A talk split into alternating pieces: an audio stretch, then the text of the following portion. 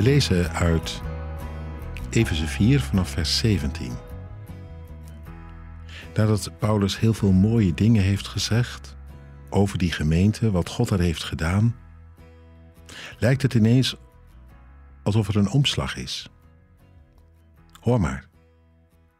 Op gezag van de Heer zeg ik u, dus met klem, ga niet langer de weg van de heidenen met hun loze denkbeelden.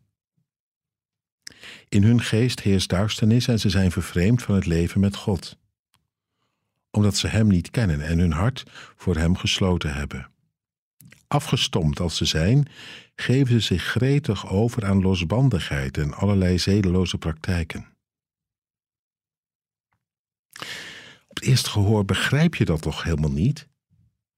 Die mensen in Everse, ze zijn gered, begenadigd, door God geliefd, bemind. De geest woont in hen. Er is een heleboel veranderd.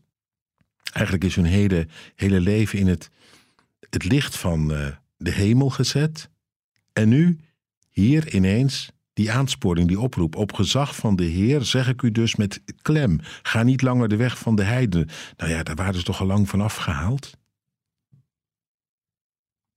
Blijkbaar kun je er weer in terugvallen, in dat oude. Terwijl je er helemaal uit bent gered, dat je er toch weer in verzeild raakt.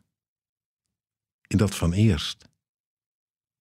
En blijkbaar was dat ook een levensgroot gevaar bij die gelovigen in Efeze.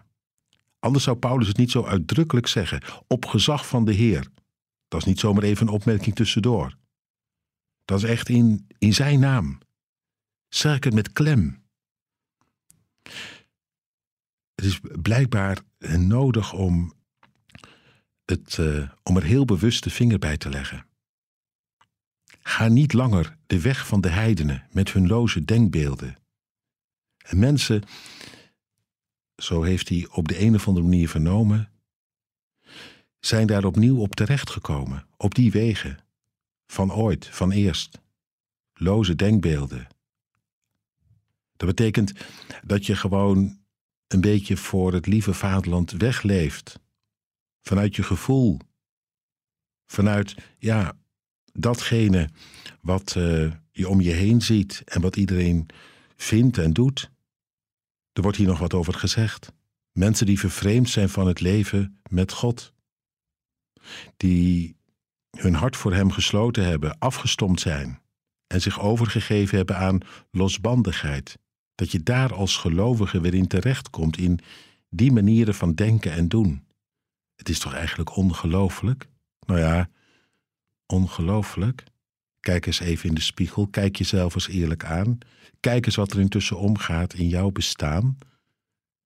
Terwijl je misschien eerder beleidnis deed of werd gedoopt. Terwijl je vol was van Gods liefde en genade. Terwijl je er naar hartelust van zong. Maar nu, of gekker nog, misschien het ene moment vol van de liefde van God en het andere moment zomaar verzeild in dat donkere, duistere gedoe. Wat uh, trekt. Zedeloze praktijken. Porno, weet je wel? Nou ja, het kan van alles zijn. In ieder geval het combineert voor geen meter. En toch, je geeft je de zomer aan over.